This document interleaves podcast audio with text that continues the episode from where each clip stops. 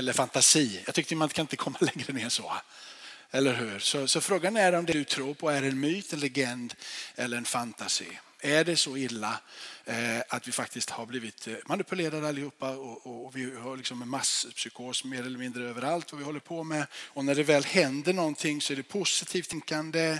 Det är att vi eh, är duktiga på att tala folk i rätt riktning och vi, vi hjälper dem att släppa alla deras olika eh, begränsningar. Och vi hjälper dem att se framåt, vi talar positivt och vi övertygar folk. Och så vet vi att om vi talar positivt och vi är övertygande i vårt sätt att vara så blir det en atmosfär i det här och så blir folk bättre. Eller är det så att vi faktiskt kan stå på en grund där Gud själv säger du kan få möta med mig och du kan få ta emot vad jag gjorde på korset för dig och genom mina sår så kan du bli helad. Så. Jag tror att allting i livet, för dig som är ny inom kyrkan, så, som, så kan du nog hålla med om att det finns alltid någon sida där borta, någon sida därifrån. Du har minus där och du har plus där borta. Och du har mörker där och du har ljus där. Och du har sant där och du har falskt där. Och du har kallt där och du har varmt där. Det finns hela tiden, hur vet du vad som är kallt? Är det för att du har upplevt varmt? Eller hur vet du vad varmt är? Ja, du måste ha upplevt kallt någonstans. Va? Så om du vet vad som är ljus så måste du någon gång ha varit i mörker för att kunna definiera vad det har varit. Så att du måste på något sätt också kunna blivit utsatt för det som är falskt för att kunna identifiera det som är sant. Och det som är sant så kan du avslöja det som är falskt. Så någonstans så ligger det här ganska enkelt i den här naturen. Ja, jag tror att det finns många religioner i den här världen för att det finns en som är sann. Och jag tror att det finns många mirakler i den här världen som är falska. För jag tror att det finns sanna mirakler. Jag tror att det finns verkliga mirakler. Därför finns det falska. Lika säkert som att det finns kopior på väskor bara på grund av att det finns äkta väskor. Och den, den logiken är ganska enkel i mitt huvud för ihop. Jag vet inte om du får det. Jag tror att skillnaden mellan myter, legender, legender fantasy och, och, Guds absoluta närvaro är att vi känner ett samröre faktiskt också med varandra det är bevis i sig själv att när vi kommer i den platsen av lite grann av extas så känner vi en sammankoppling med varandra. I en legend så känner man sammankoppling med, med den där, i myten, i fantasi, i det som, så, så blir det någon form av, av det, blir liksom, det som du, alltså Jesus är det vi hör ihop med. Ja, det är det. Men om du på riktigt så hör jag och Rudi ihop. Inte för att vi tycker samma sak om allting. Vi hör ihop med Kent även om inte vi gillar samma saker. Man hör, man, man känner, vi hör ihop. Du gillar blått och jag gillar grönt, men vi hör ihop ändå. För mig blir det ett bevis på Guds yttersta existens. Vi följer en och samma mästare, Jesus. Låt säga att han får vara en legend eller myt. va? Men det som blir det självklart för mig är att jag kan igenkänna honom i dig. Och jag känner att det finns ett sammanhang som inte är beroende på om vi krigar för samma sak. Eller vi har samma idé, eller vi har samma väg. Utan helt plötsligt så hör jag ihop med dig och du kan vara en del i det hela och jag en annan del i det hela. För det är inte bara så att vi följer mästaren. På något förunderligt sätt så följer vi också varandra och med varandra. Det blir ett bevis för mig för Guds existens. Och låt oss läsa en berättelse ifrån Lukas kapitel 5 tillsammans. En dag när Jesus undervisade så satt där fariséer och laglärda som hade kommit från alla byar i Galileen, Judeen och från Jerusalem. De kom från när och fjärran, eller vad säga. De kom från överallt. Och så står det, han hade kraft att bota. Han, Herren. Inte vilken herre som helst, utan han, Herren. Guds son kommen i köttet, människosonen som adresserar sig som människoson även om han är gudason. Han adresserar sig fullt ut på jorden som människoson. Han identifierar sig fullt ut med dig och mig. Men han bar kraft att bota sjuka. Då kom det några män som var en eh, förlamad man på en bår. De försökte komma in med honom och lägga ner honom framför Jesus. Men när det för folkmassans skull inte fann något sätt att komma in med honom gick de upp på taket. De firade ner honom på båren mellan takteglen mitt framför Jesus. Jesus såg deras tro och sade, min vän, du har fått förlåtelse för dina synder. De skriftlärda och fariseerna de tänkte, vad är det här för en härdare? Vem kan förlåta synder utom Gud? Underförstått, Jesus är Guds son. Jesus är Gud. Men Jesus förstod deras tankar och svarade dem. Vad är det ni tänker i era hjärtan? Vad är lättast att säga du har fått förlåtelse för dina synder eller att säga res dig och gå. Ja, vilket är lättast? För dig och mig så är det omöjligt att förlåta synder. För Gud är det möjligt att förlåta synder. För dig och mig är det möjligt i Jesu namn att be för den sjuka och han blir frisk. Men för dig och mig är det omöjligt att förlåta synder. Alltså, det är lättare att bota den sjuke än att förlåta synder.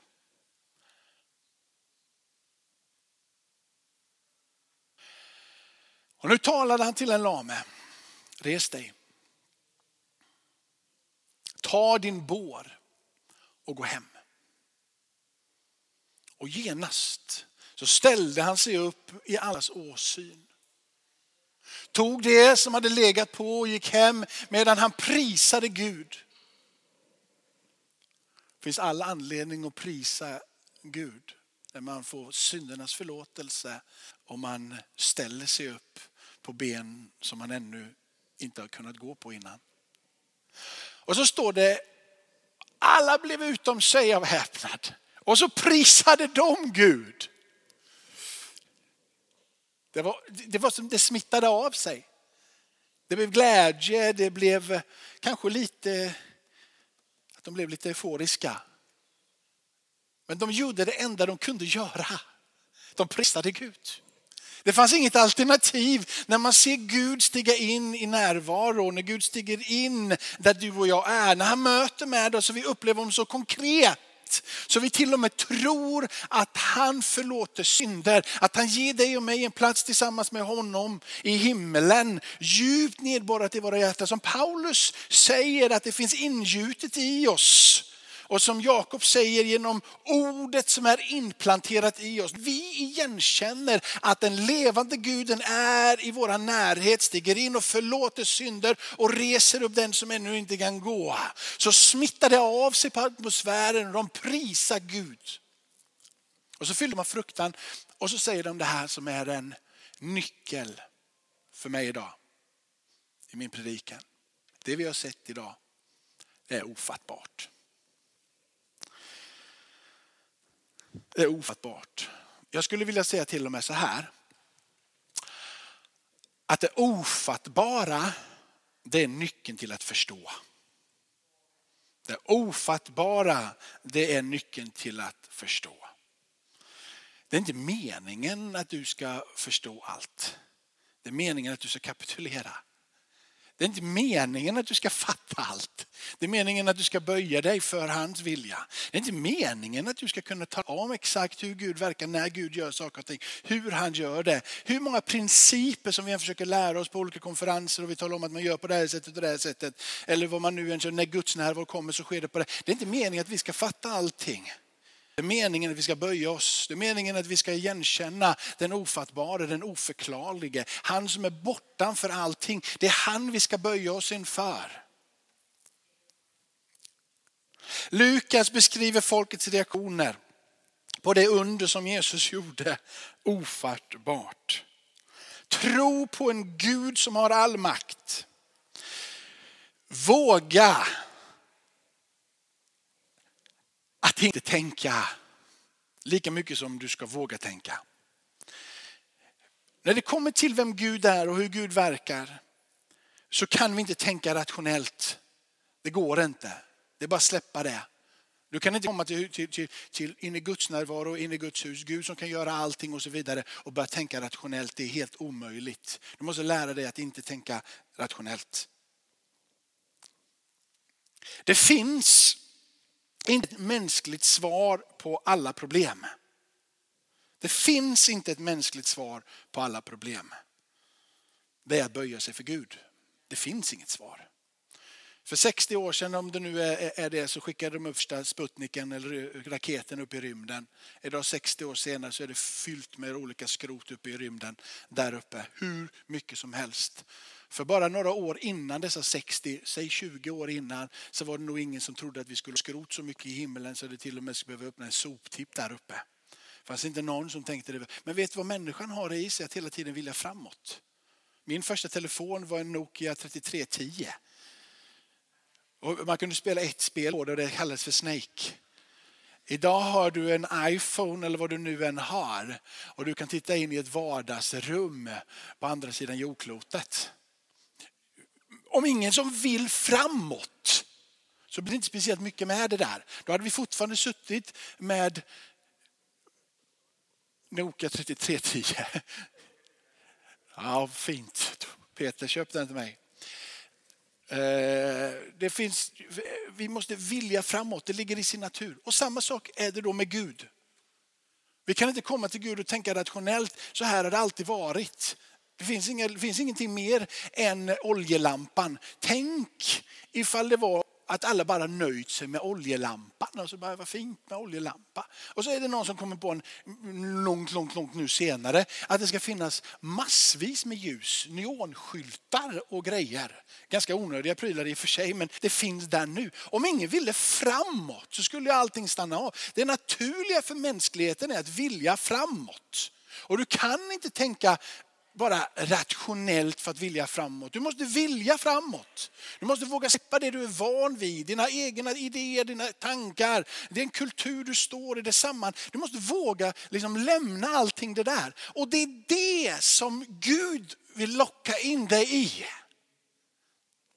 Du fick bara släppa vad jag vill mer. Om han är den som är den ofattbara, den, den oförklarlige, ende sanne Guden, härskarornas herre och så vidare. Om det finns där, då är det dit jag vill. Att veta mer om vem han är och inte nöja mig med det som jag redan vet idag. Jag vill in i det som om möjligen finns tillsammans med honom. Jag kan inte förstå det än för jag har inte varit där än. Men jag vill in där om det går. Jag vill se en utveckling, jag vill se någonting mer. Och den guden som är den oförgänglige, evige, enda sanne guden. Han kommer du aldrig någonsin kunna greppa ändå. För det finns alltid tillsammans med Gud mer att få. Din tro på Jesus är ofattbar i världens ögon. Din tro på Jesus är ofattbar, ofattbar även för dig själv. Du tror på en skapande Gud. Du tror att några människor i begynnelsen käkade en frukt som gjorde att hela världen kom under synd. Du tror att det var en man som var gammal och byggde en ark som bara räddade sin familj. Du tror att Sodom och Gomorra gick under Guds dom det tror du om du säger att jag är kristen och jag tror på det Jesus sa. Och Jesus kommer säga att jag tror och vet att det är riktigt för jag är den som uppfyller både profeten och lagarna. Så jag understryker att du tror, jag understryker att du tror på det jag säger på grund av att du säger att du tror på vem Jesus är och vad Jesus har sagt så tror du att Gud lade en dom över Sodom och Gomorra. Du tror att Jakob hade en, en, en situation när han drömmer och hans änglar stiga upp och stiga ner och komma ner till den här jorden. Du tror på det, jag understryker det, du tror på det för att du tror på Jesus Kristus som din frälsare. Jag understryker också att du tror att Jakob brottades med en ängel. Hur ofattbart och patetiskt är inte det? Du tror att Jakob brottades med en ängel och att han gick därifrån med ett nytt namn Israel och att han blev slagen på höften. Du kanske inte har hört berättelsen än, men det är det som du nu, om du inte har hört den innan, har gett ditt liv till. Och hur patetiskt är inte det då? Att du har gett dig till liv till en berättelse som handlar om Sodom och Gomorra under Guds förbannelse och Guds dom. Du har gett ditt liv till berättelser om änglar och demoner som brottas med människor. Jakob säger, liksom, kommer nästan fram som att det är Jesus själv han har brottats med. Du tror på den patetiska berättelsen om Josef och hans bröder och hur Josef senare ifrån att ha blivit kastad i en brunn såld landar som den mäktigaste mannen i Egypten tillsammans med farao. Han är den som råder och regerar och den sorgen den är lång och det är många år. För att senare på det hamna i fångenskap i Egypten för att senare Moses ska komma och leda det folket ut och att de är löftesfolket. Det är ofattbart. Kom inte och säg att det finns någonting som är rationellt i detta. Du tror att denna Mose hade en brinnande buske framför sig som inte brann upp. Förklara det för dig själv. Du tror att den här mannen som hade en brinnande buske framför sig som han fick en kallelse från Gud att följa blint att han hade en stav i sin hand som han kastade på marken och det blev en orm. Och han tar i svansen på den här ormen igen och det blir en stav. Ofattbart. Du tror att det finns, jag tar Mose bara det, han, han tar ut sin arm i sin tröja, jag kallar det tröja men det var ju det var en, typ en mantelvariant. Men han tar ut sin tröja och den är full av spetälska och sen så tar han in den i tröjan och ut igen och så är spetälskan borta. Det har du gett ditt liv till.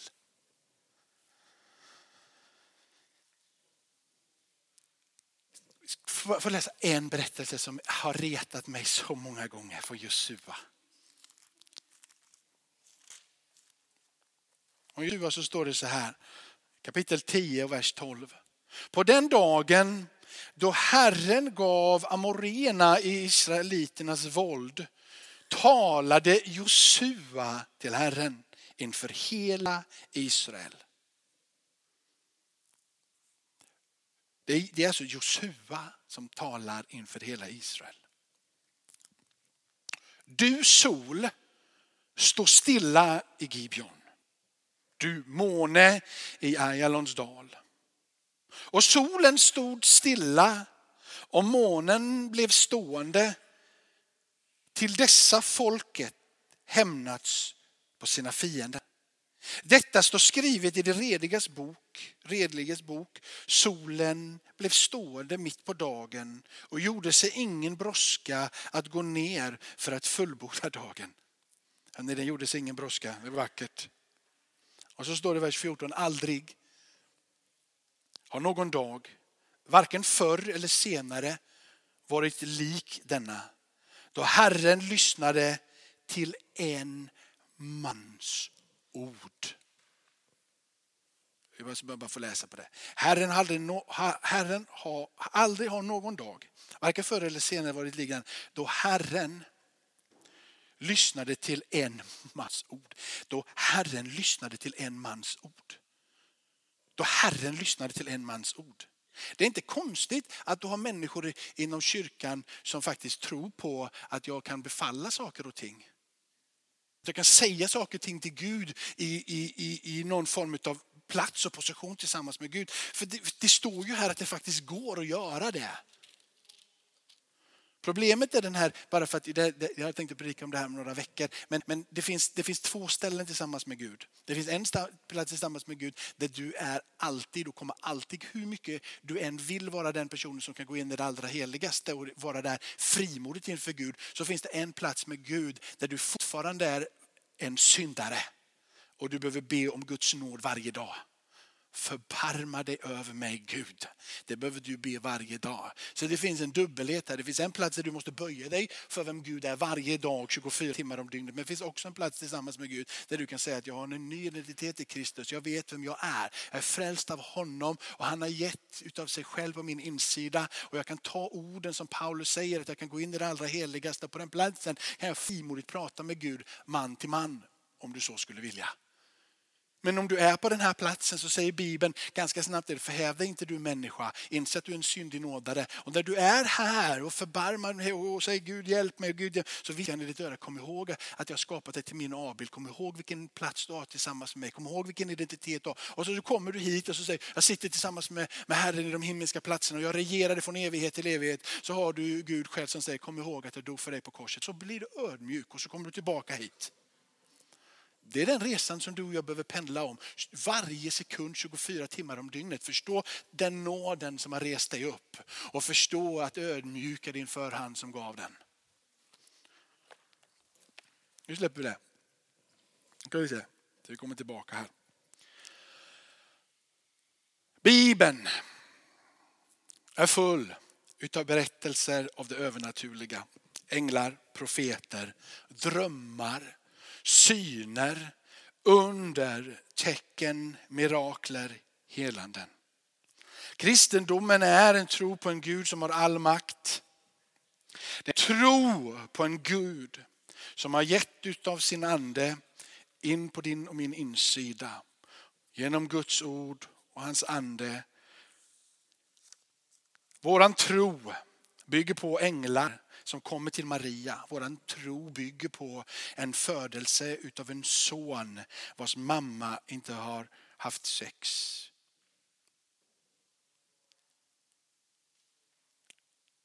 Vår tro bygger på att Jesus var 40 dagar ute i öknen och hade en match, en kamp med djävulen själv.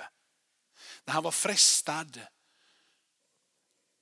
Det är en utav sakerna som händer innan han stiger ut i tjänsten fullt ut. Så brottas han själv med djävulen på jorden. En fråga som du måste ställa dig själv. Ofattbart. Är det här verklighet eller är det fantasi? Jesu underverk på jorden men också Jesu fortsatta underverk i apostlagärningarna och ända fram till den här dagen. Hans uppståndelse från de döda, hans himmelsfärd är fyllt utav änglar och om du inte är en Jesusföljare, orimliga berättelser om legender, myter och fantasi. Och så står det så här, och du kan hinna slå upp den nu Simon, jag sa inte den till dig innan. Ifrån andra Korinthierbrevet kapitel 4 och vers 16 till 18. Andra Korinthierbrevet Simon kapitel 4, 16 till 18 så kan vi läsa det tillsammans. Vi hämtar nämligen våran kraft att leva, våran kraft att fungera, våran kraft att förhålla sig till omvärlden, våran kraft att vara Jesu Kristi lärjungar på den här jorden. Vi hämtar våran kraft från någonting som är osynligt. Men i allra högsta grad verkligt. Den platsen där vi hämtar vår kraft ifrån, den är mer verklig än det som du ser runt omkring dig. För det är från den platsen av verklighet som allting som finns runt omkring dig blir din verklighet. Det som du ser med dina ögon är förgängligt. Men den platsen som du och jag är födda ifrån, den är evig. Därför ger inte vi upp. Även om vår yttre människa bryts ner så förnyas vår inre människa dag för dag. Vår nöd som är kortvarig, den väger lätt. Den bereder oss, åt oss en väldig och överväldigande härlighet som väger tungt att vara för evigt. Och vi riktar inte blicken mot det synliga utan mot det osynliga. Det är nämligen så att det här synliga det är förgängligt men det osynliga det är evigt. Det är därifrån som vi hämtar vår trygghet. Det är därifrån vi hämtar vår kraft. Om det inte hade varit så på riktigt att jag hade igenkänt att det hade finns i dig så hade jag tvekat. Min övertygelse om min, liksom, att jag hävdar det som jag hävdar idag ligger i att jag kan känna det i Benjamin. På riktigt. Jag, jag, jag, kan känna det Peter.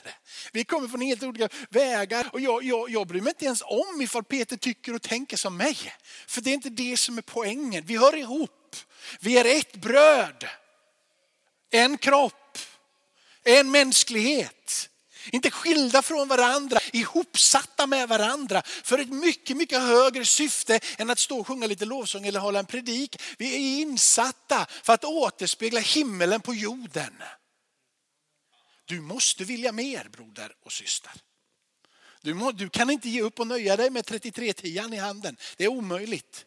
Kan inte nöja dig med att, att det bara liksom är som det är. Du och jag vi är kallade in i ett progressivt liv, innovativt liv tillsammans med Gud. Där du och jag gör det som ingen annan kan göra. Där vi tänker helt orationellt. Vi går bortanför allt, där vi stiger in i det som är ofattbart i tro på att Jesus Kristus dog, att han uppstod från de döda och att han lovar oss att han är med oss, tar hand om oss. Och det han säger är att tillsammans med Gud så är allting möjligt. Gud kallar dig och mig in på en resa som är att vara pionjärer och vara förvandlade utav den här här världen.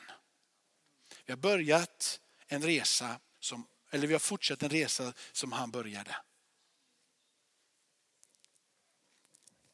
Jag vet inte hur många minuter till vi orkar. Jag vet inte ens när jag började.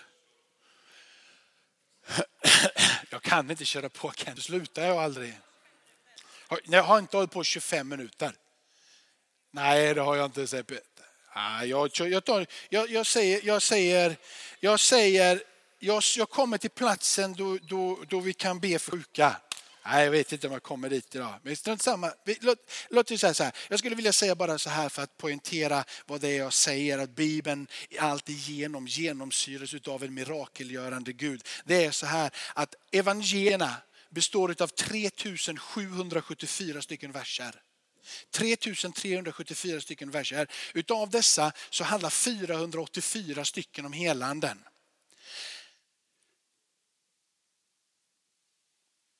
Utav dessa 300, 3774 verser så är det 1257 verser som är undervisande.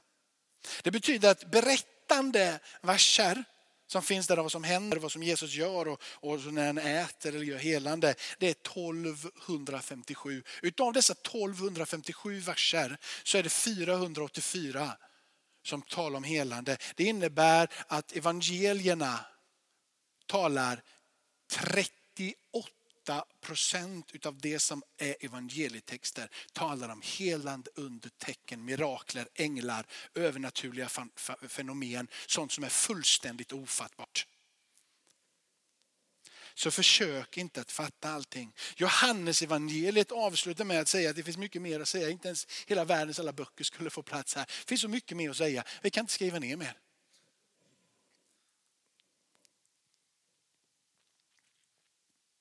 I första Efesierbrevet, kapitel 1 helt enkelt, så står det så här att priset är betalt för synden. I vers 22 så står allt är lagt under hans fötter. Han har besegrat döden. Jesu död och Jesus uppståndelse är mer än bara din och min själiska frälsning. Hans död och uppståndelse, en seger över Satans makt på alla områden som rör dig och mig. Jesus seger bryter all makt och inflytanden som Satan har haft på människor. Det inkluderar förlåtelse för våra synder, helande från sjukdomar. Det inkluderar att vi inte på ett maktpositionssätt eller med smarta idéer men med gudomlig makt och med kraften ifrån uppståndelsen som den enda kraften har fått möjligheten att tillsammans med Gud slå ner och slå sönder alla diktaturer och tyranniska samhällen. Genom att älska.